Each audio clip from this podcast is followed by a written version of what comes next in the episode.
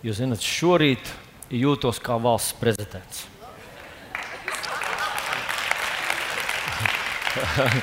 nē, nē, nepārprotiet mani. Viņam ir vesela komanda, kas saraksta viņa rakstu runu. Un tad viņš ir tā pēdējā instance, kur ko izsvītrot, ko, par ko teikt un ko neteikt. Tā ir tāda milzīga atbildība. Tikai atšķirība tā, ka, protams, ka man nav neviena, kas sarakstītu manu runu. Man ir viena vēlēšanās ieskatīties svētā gara konspektā. Un tad, kad man izdodas mazliet ar acu kaktiņu tur ieskatīties, konstatēju, ka viņam ir tik plašs tas viss. Un tur bija pieminēts tavs vārds, ko lai tieši tev pasaka. Man tiešām neizdosies tas, bet uh, kaut ko es man izdevās nošpikot. Ļoti ceru, ka tu sadzirdēsi tieši to teikumu, ko Dievs bija domājis tev.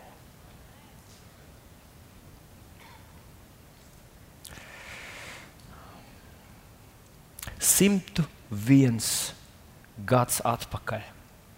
Parasti, kad mēs sakām par kaut ko, kas ir simts un viens, tas liekas, runa ir par kaut ko, kas ir ļoti, ļoti daudz. 101 gads mūsu zemē, Latvijai. 1918. gads bija pirmā reize Latviešu tautas vēsturē. Tā radās iespēja izveidot savu valsti. Sava valsts. Tas šķita kaut kas tiešām, nu tā kā man, man uh, Līga jau pieminēja padomu laikus, kad mēs dzīvojām, kad likās savs karoks, mums būs sava valdība, runāsim savā mēlē. Likās, ka tā ir pasaka. Tik labi, gandrīz ir pārāk labi, lai būtu patiesība. Un 18. gadā cilvēki noticēja, ka ir iespējams kaut kas, kas vēl nekad nebija bijis. Mēs ar tevi esam pieraduši pie Latvijas, pie valsts un pie tā, ka mums jāmaksā nodokļi un vēl viss kaut kas. Bet toreiz tas likās, tā būtu. Tā būtu zīme, ka Dievs ir uzlūkojis mūsu tautu. Laika posms no 18. novembra 18. gadā, kad, kā mēs visi zinām, Latvijas republika tika pasludināta sanāca kopā tādā rudenīgā vakarā, tā kā šodien būs Nacionālā teātrī, kādi pārsimts cilvēki, un tur pasludināja Latvijas valsts dibināšanu. Un tad viņi izgāja uz ielas. Nekas nebija izmainījies. Tur nebija ne fanfāra, nekā. Staigāja svešu valstu kar, karavīri pa ielām. Tā tika pasludināta mūsu Latvijas valsts. Šodien mēs teiktu, ticībā. Nekā savādāk to nosaukt nevarētu ticībā. Nākošie gadi, nākošie pieci gadi, bet jo īpaši nākošie divi gadi līdz 19. gada 11. novembrim Rīgas atbrīvošanai no svešu valstu karaspēka bija vissarežģītākais laiks Latvijas vēsturē. Un tomēr šajā visā šajā sarežģītajā laikā no nelielas cilvēku grupas, kas ticēja, par, ka Latvija ir iespējama. Par spīti nelabvēlīgiem politiskiem un militāriem apstākļiem, viņi saglabāja šo savu ticību. Mēs ar jums pazīstam to sajūtu, ka tu runā par kaut ko, un tev viss apkārt uz tevis skatās un saka, nu, es esmu taču realists.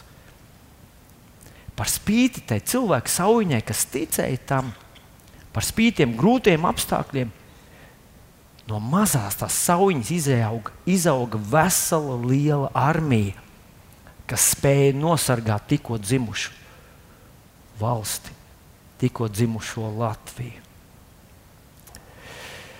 Nākošie pieci gadi bija svarīgi, viņi bija izšķirošie. Un katram no šiem no 18. gada katram šim gadam tika piešķirts viens apzīmējums, kas raksturoja visu šo gadu. 19. gadam, un šodien, 101 gadu vēlāk, arī, arī šis gads tiek atzīmēts šajā zīmē. 19. gadam tika piešķirts virsraksts varonība. Tā patiešām bija varonība. Uzdrošināties, iet pret traumu, iet pret reālo, mm, saprotamo, iet pret kaut ko tādu, kas, kas lielākajai cilvēku daļai likās tikai sapnis un, un mirāža. Un tomēr bija cilvēki, kas tam ticēja. Tāpēc šodien mēs ar tevi jau 101 gadu svinam Latvijai, kas toreiz radās kā brīnums. Un šis gads ir varonības zīmē, 19. gads varonības zīmē. Tie tiešām bija varoņi, ticības varoņi. Un mēs, raugoties uz šo dienu notikumiem, saprotam, ka labas lietas nenotiek pašas no sevis. Pasaulē nekas labs nenotiek tā vienkārši čiki, briki un būs. Jebko tavas izgludinātās bikses kājās, viņas ir tiešām ir jāgludina, kādam ar to ir smagi jāstrādā. Tavs tīrā drēbes, tavs vienalga kas, tavs jauns svešvārds, jauna lietiņa, ko tu esi apgūlis un iemācījies, tas viss prasīja pūles. Tikai netīrība un neba, ne, nabadzība atnāk pati no sevis. Un tā mēs šodien svinam 101 gadus valstī, Latvijai. Tie nav mani vārdi. Tos man pārstāstīja mana sieviņa Līga. Viņa bija klausījusies Latvijas pirmo radio, un tur kāda no, es vairs neatceros, kas to vadīja, kaut kādu institūciju, viena no valsts institūciju vadītājām.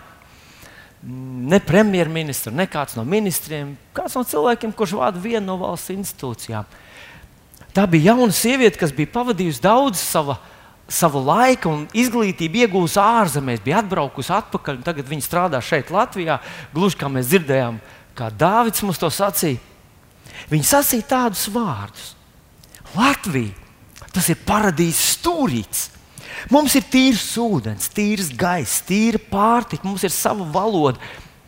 Es atstāstu to sajūtu, ko viņi man pārstāstīja saviem vārdiem.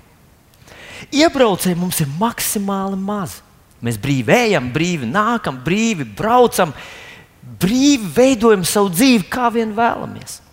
Kā kristieši mēs varētu teikt, mēs varam iet sludināt pie brīvības pieminiekļa, varam iet uz stāciju, varam iet, kur mēs gribam. Neviens mūs nearestēs. Padomu laikos tas likās neiespējami. Tev darba vietā tu kādam pačukstēji par jēzu, par evanģēliju, uzaicināji uz baznīcu. Te varēja piesaist, piesiet uh, propagandu.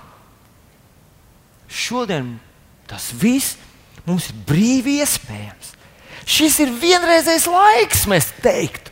Ja kādreiz mums kāds teiktu, ka tā tas būs, mēs teiktu, vai dieni, vai dieni, vai tiešām tas ir iespējams. Jā. Šodien mums ir tik daudz naudas. Mūsu valsts premjerministrs saka, nekad Latvijā nav bijis tik liels valsts budžets. Mēs iztērēsim šajā gadā vairāk kā, de, laikam tas bija par nākamo gadu, tomēr runāts 20. gadā, vairāk kā 10 miljardi eiro. Mums ir tik daudz mašīnu, tik daudz drēbju, tik daudz ceļojumu, tik daudz visādi plānu, tik daudz ambīciju, tik daudz apetīšu. Es gan nevaru atsaukties uz kādu no pētījumiem par to, kādas grāmatas pērk Latvijā, bet kādus gadus atpakaļ es lasīju kādu pētījumu par Zviedriju. Kas ir Zviedrijā vispirktākā grāmata? Un, protams, mēs domājam par Bībeli, kaut kas par ekonomiku. Nē, Zviedrijā pirmās dažas vietas vispirmtāko grāmatu sarakstā bija recepšu grāmatas. Kā taisīt ēst? Mūsu apetīte ēdot ir tikai palielinājusies. Mēs gribam vēl kaut ko, vēl kaut ko. Pasakiet, ka tie ir slikti laiki. Ak, jā. Mūsu skolotāji, mūsu mediķi saka, ka algas ir mazas. Mūsu policisti teiktu to pašu. Algas ir mazas. Mēs tā nevaram izdzīvot. Tas nav godīgi. Kur ir tā nauda, kur viņi to liek? Nepareizi. Atceros tos laikus, kad mūsu bērni vēl bija mazi. Viņiem vienmēr bija par maz kabatas naudas. Un tad nu, pieminiet Franciju. Visi mēs zinām dzelteno vestu protestus, vai ne? Ziniet, ko tie cilvēki saka, ka par maz ir naudas. Mēs domājam, ja mēs pelnītu tā kā skolotāji Francijā, vai policisti Francijā, vai karavīri Francijā, vai mediķi Francijā, viņi saka, mēs nevaram vairs izdzīvot.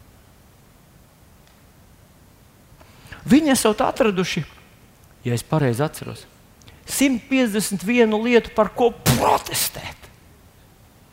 Un iespējams, ka jūs arī skatījāties tikko, tikko ziņās, viena no dzelteno vestu pārstāvjiem, tāda kundze manos gados, teica, mēs visu nākamo gadu protestēsim.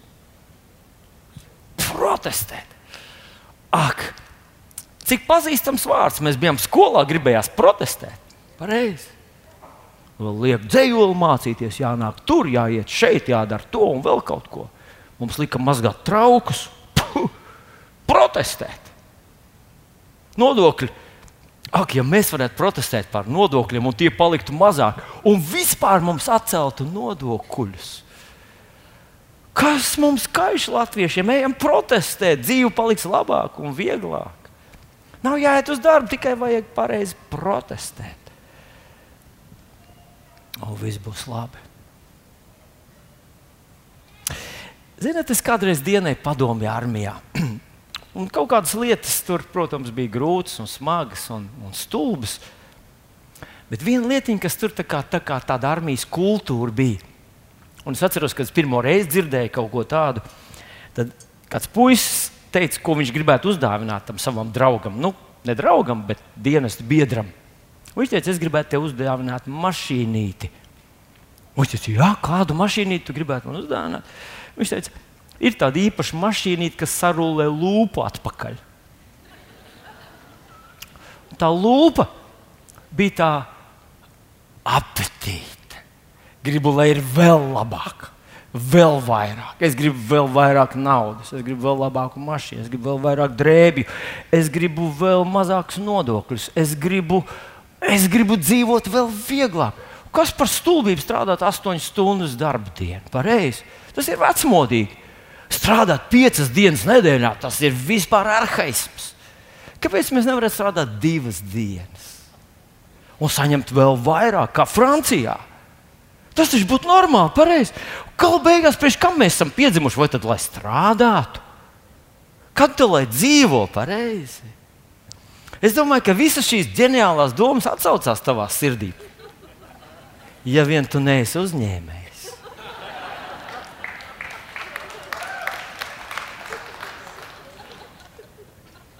Ja tu esi uzņēmējs, tu saproti, ka algu jau varētu paaugstināt, ja tu nopelnītu tik daudz.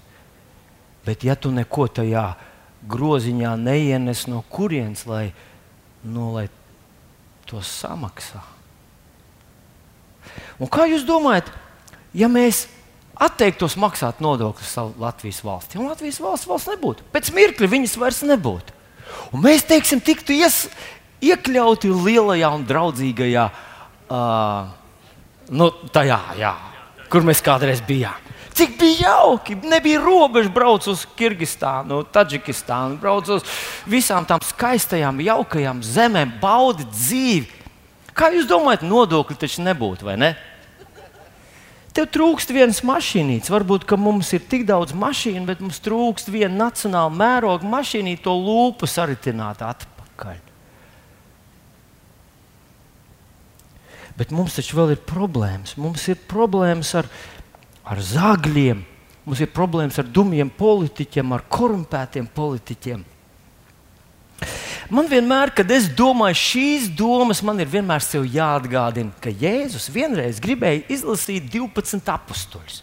Viņš var izvēlēties jebkurus. Viņš izlasīja 12 labākos vīrus. No tiem 12 apstuļiem viens bija zaglis. Un jūs domājat, mums ir simts galvas. Mums ir simts gudras galvas. Ja Jēzum nebija izdevies savā komandā bez zagļiem, tas vienkārši runā par to, ka cilvēks mēs esam kritusi. Ne, nevajag lūgt ilūzijas ka kaut kur ir tie gaišie, tīrie, tie apskaidrotie cilvēki. Kaut kur ir tie nesautīgie, kas sēdēs tur parlamentā, noliks savu dvēseli, tautas labad, atteiksies no savām algām. Ik pa laikam viņu starpā ir kāds ļoti nesautīgs un ļoti nodevies cilvēks. Un es dziļi sirdī ticu, ka visi viņi gribētu izdarīt labu. Bet tikai tad, kad tu nonāc tajās kurpēs, tad tu saproti, ka tas ir gandrīz neiespējami. Tas, es to sauktu par demokrātijas blaknēm. Tev ir jāpatīk cilvēkiem, bet kā tu vari patikt cilvēkiem, ja tu nedari to, ko viņi grib? Un ja cilvēki visu, ko viņi grib, tikai protestēt, mazāk nodokļus, vairāk saņemt, tad tas ir tā tāds koks ar diviem galiem. Un gandrīz gan drīz tas nav iespējams. Bet ir kāds vēl ļoti svarīgs aspekts, ko, ko ir ļoti svarīgi atgādināt. Es gribētu, lai tu iestādies sev acu priekšā Izraēla tauta tuksnesī. Dievs viņus atbrīvo no verdzības nāma. Viņi vairs nav vergi. Viņi ir tagad brīva tauta. Ir noticis brīnums. Tas, par ko viņi agrāk sapņoja un stāstīja viens otram, Tā varētu būt. Ja Dievs mūs svētītu, mēs vairs nebūtu vergi. Mēs nepiedarētu kādam, mēs būtu paši, paši ar sevi, būtu brīvi. Viņiem tas notiek. Līdzīgi kā mums. Un viņus aizved tūkstnesī, Dievs viņus ved uz apsolīto zemi. Saka, es jums palīdzēšu, svētīšu, es esmu ar jums. Un nonākuši tūkstnesī, viņi piedzīvo to, ko saucās Dieva dota manna. Un tad Dievs ļauj viņam salasīt to mannu un salas, cik tu gribi. Un tad ir interesanti, otrajā mūsu grāmatā, 16. nodaļā, ir rakstīts tāds gadījums. Es izlasīšu burtiski, kā tur ir rakstīts 2, 16, 2 mūža 16, 17. Un Izraēla bērni tā darīja. Cits salasīja vairāk, cits mazāk. Bet, kad viņi pārmēroja ar Gomeru, tad nepalika pāri tam, kas daudz bija salasījis, un nepietrūka tam, kas maz bija salasījis. Ieklausies vēlreiz. Kāds bija salasījis daudz, un viņam nepalika pāri. Kāds bija salasījis maz, un viņam nepietrūka. Manuprāt, tas ir tieši tas, kas notiek šodien, un tas ir tas, ko mēs kādreiz nesaprotam ar savām nu, patērētāju smadzenēm. Jo mums liekas, ka ja mēs salasīsim vairāk, tad jutīsimies labāk, būsim laimīgāki, drosmīgāki. Tad mums miera būs vairāk, tad mēs zināsim nākotni. Mēs būsim mierīgi par saviem bērniem, būsim mierīgi par savu zemi, ja vien salasīsim vairāk. Bet viņš saka, toreiz bija tā, ka tie, kas salasīja ļoti daudz, viņiem pāri nepalika. Es jums atgādināšu kādu piemēru. Kādus gadus atpakaļ, ja nemaldos, tas bija 17. gadā Vienā sarunā Arnolds Schwarzeneggers, viens no pasaulē ļoti zināmiem cilvēkiem, aktieris, un kas viņš tikai viss nav - politiķis, un, un modelis, un sportists, un kultūrists, un vēl kaut kas. Kādā sarunā Arnolds Schwarzeneggers saka tā, uz šodienu manu bagātību var izmērīt 87 miljonu apmēram. Tā lēš manu bagātību. Bet ziniet ko? Pagājušajā gadā man bija par 5 miljoniem mazāk. Un es jums godīgi varu teikt, ka laime nav naudā, jo es neesmu ne par gramu laimīgāks šajā gadā.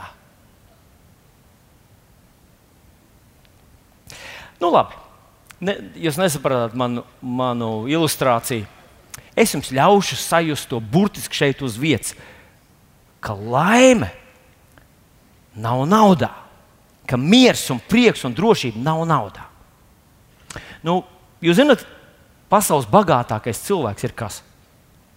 Bills Gates. Bila Geita bagātība 16 Tajā gadā tika lēsta 78,6 miljardi dolāru. 78,6 miljardi.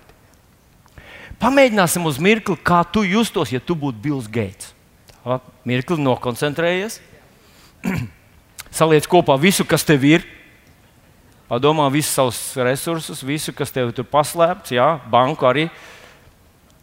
Tur no palagiem, no burciņas izņem ārā, kur tu tur esi paglabājis kaut kur. Saliek visu kopā. Tā.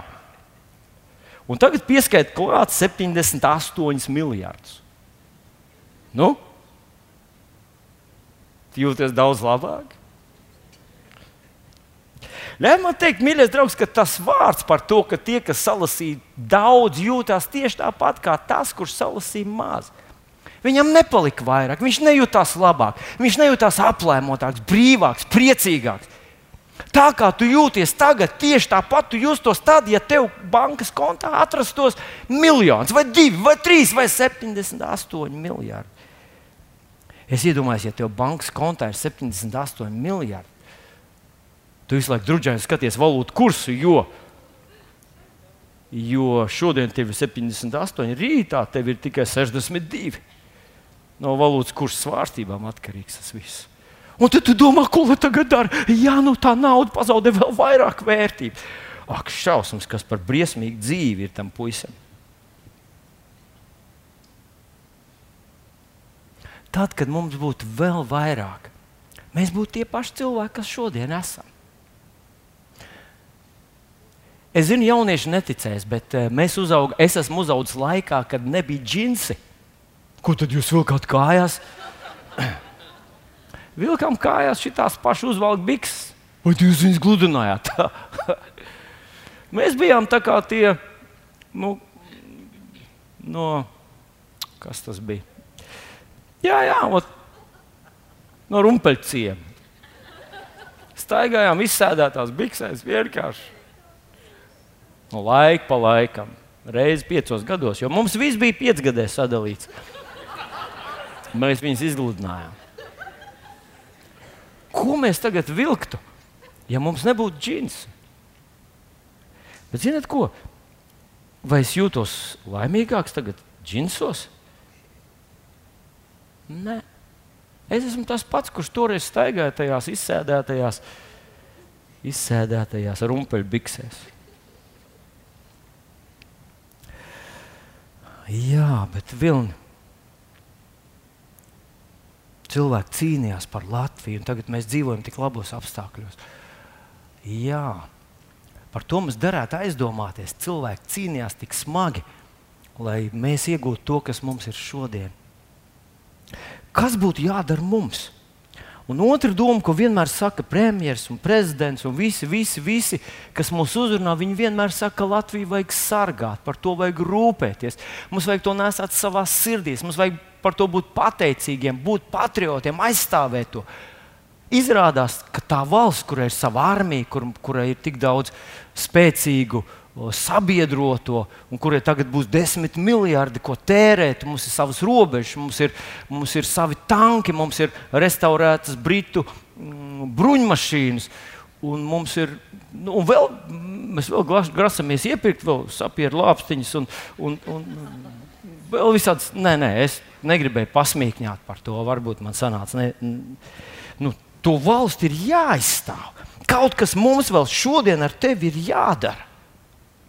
Un es gribu teikt, ka pavisam droši tieši tas ir tas, ko Dievs mums saka. Viņš saka, lai mēs rūpējamies par savu zemi, gādājiet par savu zemi, lūdziet par savu zemi, kalpojiet savai zemē. Vēl jo vairāk, zinot to, ka mēs ar jums šodien stāvam ļoti nopietnu pārmaiņu priekšā. Mums ir 101 gads, brīnišķīgi. Bet kas tad mūs gaida nākotnē? Kad es palasu Bībeli, un Bībele ir grāmata, kas uzrakstīta pirms vairākiem tūkstošiem gadu, viņi runā par pasaules notikumiem un iesniedzas šo pravietojumu notikumu, notikumu pravietošanā iesniedzās nākamajos simtos un tūkstošos gadus priekš. Paklausieties, kā Bībele apraksta nākamos notikumus, kas notiks pasaulē. Varbūt, ka tu sen neesi lasījis atklāsmes grāmatu 8. nodaļu un 9. nodaļu. Ir tie, tā vieta, kur apraksta par to. Un es mazliet jums palasīšu, kas tur ir rakstīts. Atklāsmes grāmata 8. nodaļa no 6. panta un septiņi eņģeļi ar septiņām bazūnēm gatavojās bazūnēt. Un pirmais bazūnēja, un krusta un uguns asinīm sajaukt, tika mest uz zemi. Trešā daļa zemes sadeg, trešā daļa koku sadeg, un visa zaļā zāle sadeg. Otrais eņģelis bazūnē, kā liels kauns, degošs ugunīs, tika gāzts jūrā. Trešā daļa jūras tapa par asinīm, Trešā daļa jūras radījumu, kam bija dzīvība, nomira. Un trešā daļa kuģu tika izpostīta. Un trešais eņģelis bazūnēja, un no, kre, no debesīm krita liela zvaigzne. Tā tad uh, uh, asturīts, degdam kā lāpa, tā krita uz upju un ūdens avotu trešo daļu. Zvaigznes vārds saucās absints. Trešā daļa ūdeņa tapa par vērmelēm nomira daudz cilvēku no ūdeņiem, jo tie bija tapuši rūkti. Un ceturtais eņģelis bazūnē, un trešā daļa saules, un trešā daļa mēnesis, un trešā daļa zvaigžņu aptumšojās. Jo trešā daļa, to trešā daļa tapa tumša. Un dienas trešā daļa nespīdēja, un naktis tāpat. Pēc tam mēs dzirdējām, ērgli laižamies pa debesu vidu un saucam skaņā balsī, vai, vai, vai zemes iedzīvotājiem, trīs citu eņģeļu bazūņu skaņu dēļ, kas vēl bazūnēs. Šis stāsts ir līdz tai vietiņai, kas saucās Lielās bēdas pusē. Bēdas pusē. Un pēc tam sākās 9. nodaļa, kur, kas ir aprakstīta kā lielās bēdas.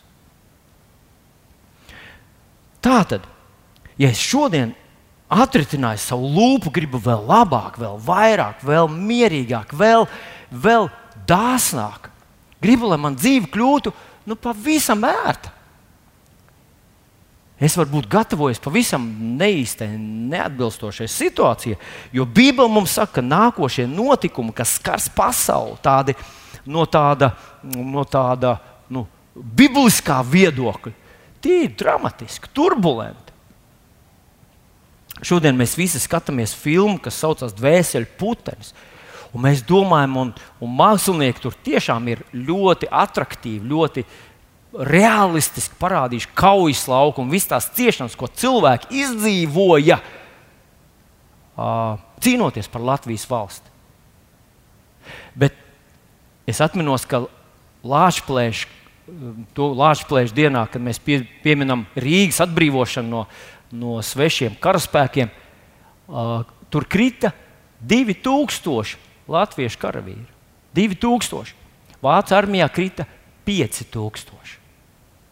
Tikko mēs lasījām par notikumiem, kur uzrakstīts, ka trešā daļa cilvēces, trešā daļa cilvēku aizies bojā.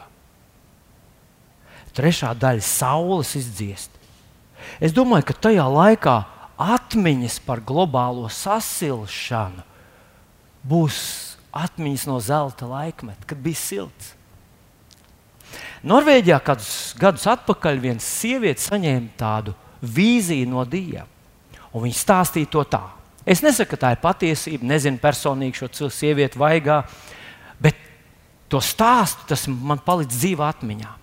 Viņa stāstīja tā, ka šobrīd ir tas laiks, kad cilvēki no tuviem austrumiem un no tās ekvatoriālās zonas bēg, jo tur ir karsts, tur ir bardaks, tur ir karš.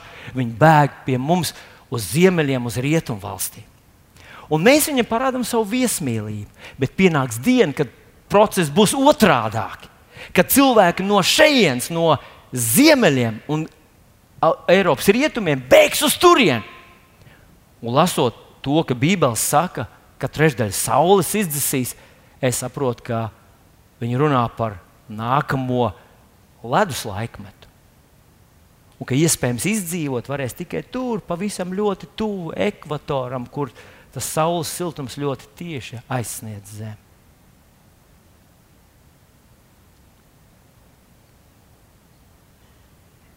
Un ka tad viņi mūs tur uzņems tikpat viesmīlīgi, kā mēs viņus uzņēmām šeit.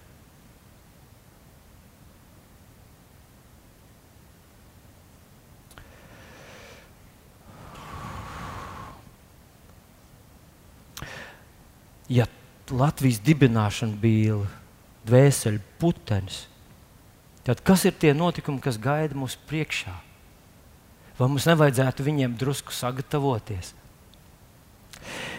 Kad es dienēju armijā, tad tur bija tāda ne, ne tradīcija, tā bija tāda kārtība, ka no rīta atskan signāls. Seržants sāk bļaut pēkšņi te ausī, pārdījām, pārdījām! Es gulēju otrā stāvā. Nu, kā tas kazarmās vismaz tajā laikā bija. Un tajā mirklī, kad viņš sāk kliegt, tev no otrā stāva ir jāatrod savs bikses, jāuzvelk un jālec lejā. Bet, kad tu lec lejā, tur nebija kur likt, jo tur jau, jau viss jau rosījās, un tur tas vietas bija ārkārtīgi maz. Un pāris reizes piedzīvoju to, ka tu tā guli sapņo par mājām, par mammu, un pēkšņi pārjā! Un tad vēl, kad gribējās tiešām pakaitināt. Viņš dedzināja sērkociņu, un tev bija nu, tas jā, jāsataisās. Un man, es to ienīdu, es tiešām to ienīdu. Un es pamanīju kādu interesantu lietu, ka seržants apmēram minūtes 15 pirms tā tur, tā lēnītēm pats tā neuzmanīgi. Uzmanīgi tā sāģērbās, uzvilka bīgas, zābakus, un tad viņš pēkšņi izlies un kliedz uz visiem. Zinat, ko? Un tad es arī sāku lēnītēm. Es pilnīgi, pilnīgi mans organisms pamodās 15 minūtes pirms padījuma, paskatījos pulkstenī un sadabūju lēnām savus bīkses, uzmaucu. Un tikko viņš sāk apbaurot, es jau biju gatavs. Pjuf! Nolaid zemē pirmais, un tad tie tur visi uh, cīnījās par vietu zem saules. Manuprāt, tas, ko Dieva vārds cenšas ar mums izdarīt, viņš pirms sākās tas dramatiskās haosa notis. Pirms sākās turbulentie notikumi, kad cilvēki nesaprot, kas notiek, kāpēc notiek, kurš vainīgs, ko mēs varam izdarīt. À, mēs varam izslēgt mašīnu pie sarkanās gaismas. Tas ir ļoti efektīvi. Kad laiciņā atpakaļ es dzirdēju, ka visas pasaules mašīnas notērēja gadu laikā tik daudz enerģijas, tik daudz siltuma enerģijas, cik saule noraida zemes virzienā divās minūtēs. Ja mēs izslēgtu visas savas mašīnas uz gadu un nedarbinātu neko, uf, mēs aizteiktu divas minūtes no tā siltuma, ko mēs nu, kā zeme uzsilst. Manuprāt, mums nav daudz iespēju ietekmēt šo klimatu. Bet, nu, protams, To darīt vajag. Vajag izslēgt mašīnu pie sarkanās gaismas un ieslēgt atkal pie dzeltenās. Starters būs jāmaina drīz, bet, bet uh, siltumu to būs ietaupījis. Mīļie draugi! Manuprāt, Dievs cenšas mums sagatavot, ka šis vēl ir tāds brīnumains miera laiks. Mēs ar jums dzīvojam tādā brīnišķīgā miera laikā, bet ne tāpēc, lai cerētu uz vēl labāk, vēl vairāk, vēl mīkstāk.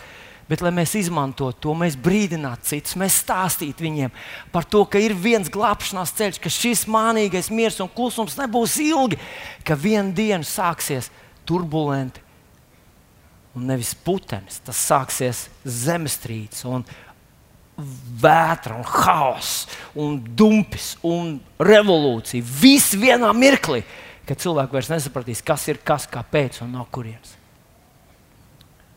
Nu, labi, Vilni, bet šie visi Bībeles notikumi jau bija uzrakstīti arī, arī pirms 101 gada.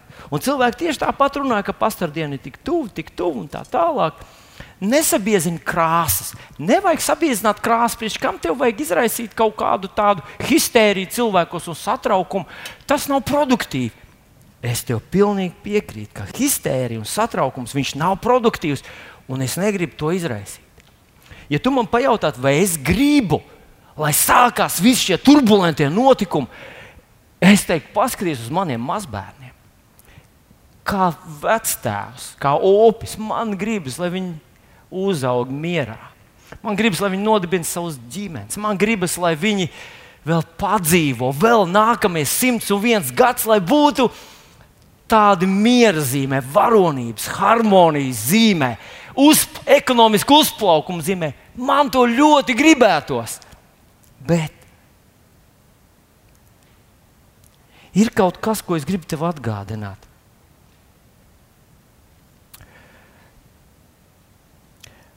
Es gribu atgādināt vārdu, ko laikam mēs visi ļoti labi zinām. Bija tāds ļoti gaišs puisis, ļoti sirsnīgs, talantīgs, muzikāls, visā tautā iemīlēts puisis, Walters Friedenbergs. Neilgi pirms tam, kad viņš aizgāja mūžībā, es viņu satiku tepat pāri ielai. Mēs bijām tajā veselības fabrikā, sporta klubā. Viņš bija gara auguma, nu, garāks par maniem. Viss, kas garāk par maniem, ir gara auguma. Jauns puisis, gaumīgi notetovēts, modernā treniņa tēpā. Viņš tur ar kaut kādiem citiem puišiem tur kaut ko darbojās. Un mums ar viņu ir kopējs paziņš, un mēs sākām ar viņu druskuļi runāt. Pienācām pie loga, un es rādīju, kur mēs esam un kur dievkalpojumi notiek. Un viņš man saka, jā, jā Valčā man aicināja uz tejienu. Tas Valčs ir, ir, ir mans dēls Valters. Viņi abi mācījās vienā muzikas skolā, paralēli vienā, vienā pie vienas pasniedzējas. Tikai tas Valters bija ar kažu, mans Valters ir bez kažas. Nu, vienkārši Valters. Varēja likties, ka viņam visa dzīve ir priekšā, visa valsts viņu mīlēja. Un pagāja neilgi, neilgs mirklis, un Valters šeit vairs nebija. Un es pie sevis teicu, Vilni, ja tu būtu zinājis, ka tas ir tā, vai tu nebūtu kaut kā savādāk viņu uzrunājis.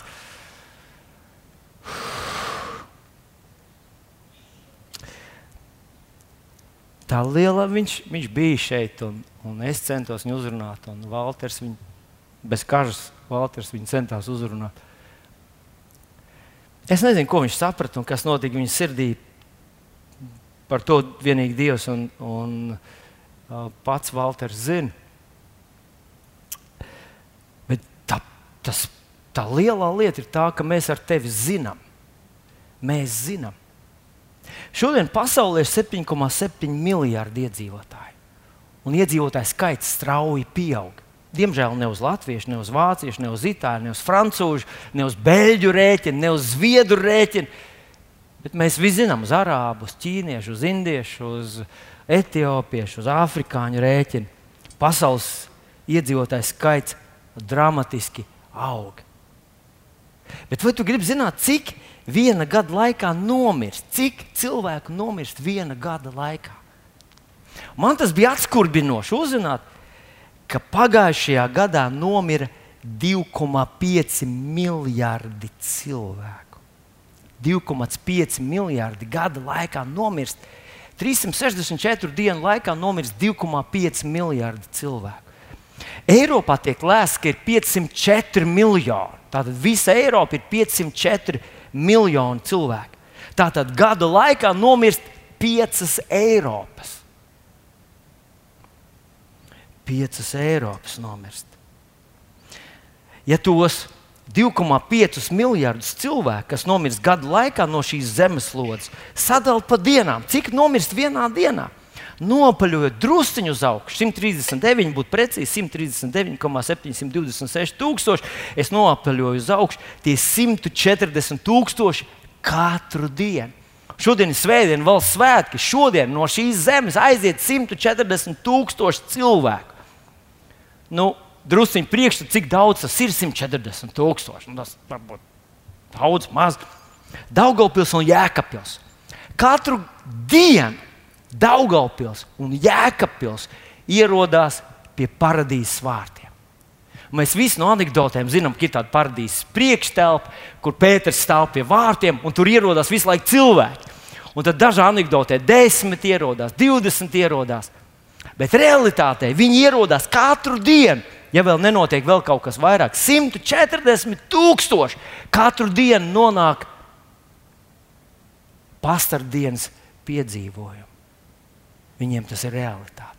Un Valteram tāds bija. Vai, vai es, ja es būtu zinājis, ka tas ir viņš, kas pēc dažiem mirkļiem nonāks pastardienā, pastardienā, tāda pēdējā diena, ja es būtu zinājis, ka viņš tur būs, Dieva vārds man saka, ka visu laiku tas notiek. Un tad es atceros, bija tāds pasaules apceļotājs, mākslinieks Jānis Vaišs. Viņš ir piedzīvojis pastardienu. Mūziķis mums ar līgu ļoti patīk, tāds Pīts Andersens. Viņš ir piedzīvojis pastardienu. Bija tāds Latvijas slavenākais iluzionists Ganādijs Palčevskis. Viņš piedzīvoja pastardienu. Ļoti gaišs un tāds sirsnīgs, jauks cilvēks. Mārtiņš Freemans, tik daudz viņa dziesmas mēs dziedam vēl šodien. Viņš piedzīvoja pastardienu. Mans jau pieminētais Walters, atcerieties, tikko bija operas bijušais direktors. Ļoti talantīgs, ļoti gaišs, ļoti enerģisks, ļoti, ļoti visās lietās. Cilvēki viņu slavē un slavē un slavē. Mākslinieki viņu slavē. Viņš aiziet, izdzies tie gaišākie. Andrēs Žagars piedzīvoja pastardienu. Tā problēma ir tā, ka pastardienu piedzīvo visu laiku. Cilvēki katru dienu 140 tūkstoši aiziet prom no šejienes un piedzīvo pēdējo dienu savā mūžā. Gan drīz no tās tikšanās ar, ar, ar Walteru man radās tāda, piedodiet, es mazliet runāju kā ar saviem. Es ceru, ka jūs to neiznesīsiet nekur tālāk. Man radās tāda bijība pret katru cilvēku, ar ko man izdodas parunāt. Ja nu, ja nu Dievs mūs saved kopā tāpēc, ka viņam ir maz laika palicis. Nē, nē, tas neatiecās uz jums. Bet, ja nu kāds cilvēks tur darbā, tavs darba kolēģis, studiju biedrs, puisis vai meitenīte, kas tev mācās blakus, strādā blakus, ir gaišs un talantīgi, un modernāk par tevi, gudrāk par tevi, asprātīgāk, ieredzētāk, karjeras viņam straujāk aug, viss notiek labāk kā tev. Un Dievs saved jūs kopā tāpēc, ka iespējams viņš ir nākošais, kurš piedzīvo šo pastardienas notikumu. Vai mēs ar tevi varam vienkārši rūpēties par sevi, domāt par sevi, kā labāk, ko mēs vairāk nopelnītu un tā tālāk. Teologi saka, ka nākošais, nākošais uh, uh, nākošā lieta, kas notiks, būs ticīgo paraušana. Un daži saka, nē, nē, nē, nē, nē mēs paliksim šeit arī bēdās. Un daži saka, nē, nē, mēs lasām dažas raksturvietas, kuras runā par to, ka ticīgie tiks parauti. Bet kādā vietā jēzus saka, tie, kas būs atrasti par cienīgiem, tiks parauti. Un to līdās atcerēšos, kur tas bija. Mm Var sakot, Bībelē kaut kur ir uzrakstīts tā. Kaut kur Bībelē uzrakstīts tā. Ko tas cilvēkam līdz, ka viņš iemanto visu pasauli, bet pats sevi samaitā un pazaudē? Un es vienmēr to esmu attiecinājis uz neticīgu cilvēku, kurš vienkārši rauš un, un krāja daudz to manu. Viņš domā, ka tad viņš jutīsies labāk, viņam būs vairāk. Bet nākošais, ko viņš saka, jo, jo kas manis un manu vārdu dēļ kaunēsies šajā pasaulē, tādēļ arī cilvēku dēls kaunēsies. Un tālākais, tālākie panti ir, šokējuši. Tas Lūkas um, 9. nodaļa, 25. Viņš saka, tālāk, paklausieties, kā. Tādēļ, lai jūsu gaisma spīd ļaužu priekšā, ka viņi ieraudzīja jūsu labos darbus un godā jūs tēvs, ir debesīs. Un zinat, ko man ienāca prātā? Ka tad, kad sāksies tas nosaukšu to tādā sliktā vārdā, bardaks, tad būs tas īstais brīdis, kad kristiešiem būs jāspīd. Un jo īpaši zini, kuriem? Tiem, kas šobrīd ir ļoti aizņemti ar krāšanu, manas vākšanu un tā tālāk. Kam šobrīd nav laika. Tad viņiem būs iespēja patiešām, kad zaņķis ies vaļā, viņiem būs iespēja spīdēt. tā ir rīktīgā tumsā. Varbūt tā. Es nesaku, ka tas tā būs tiešām ja pašā tumšākajā brīdī nebūs neviena, kas šeit spīd, tad Dievs nebūtu taisnīgs. Es domāju, Zalmans saka, ja kas labos laikos nogurst, ko viņš darīs sliktos laikos? Ja tagad mēs ar tevi nevaram, nespējam. Un tāpēc, ka, nu, tāpēc, ka mums kauns, mēs esam tik ļoti skaisti, mums svarīgi, ko cilvēki par mums domā. Ko viņi domās par mums, kad viņi uzzinās, ka mēs zinājām un neteicām? Šodien mēs svinam savas valsts 101. dzimšanas dienu. Tā ir Dieva dota valsts, Dieva dota dāvana. Bet tā ir dota tāpēc, lai tu un es spīdētu Dieva gaismu. Viņš mūs nosauca par pasaules gaismu un zemes sāli. Un tad viņš sacīja tālāk tādus vārdus, ko darīs ar sāli, kas ir nesālīga. Tā nedara nekam. Draugs, pirmā lietiņa, ko cilvēki gribētu redzēt mūsos, ka mēs esam patiesi kristieši. Ka mēs ticam tam, ko runājam, ticam tam, ko stāstam, ticam tam, ko lūdzam. Ka mēs neskrienam pēc tā, pēc kā visa pasaule skrien. Mums ir kaut kas svarīgāks un nozīmīgāks. Tas ir mūsu kungs un attiecības ar viņu un tie cilvēki, kas mums ir blakus. Latvija Jo Latvija taču ir cilvēki. Un Lūkas evanģēlijā, 10. nodaļā, 20. pāns, Jēzus saka, nepriecājieties par to, ka gari jums paklaus, bet priecājieties par to, ka jūsu vārdi ir ierakstīti debesīs.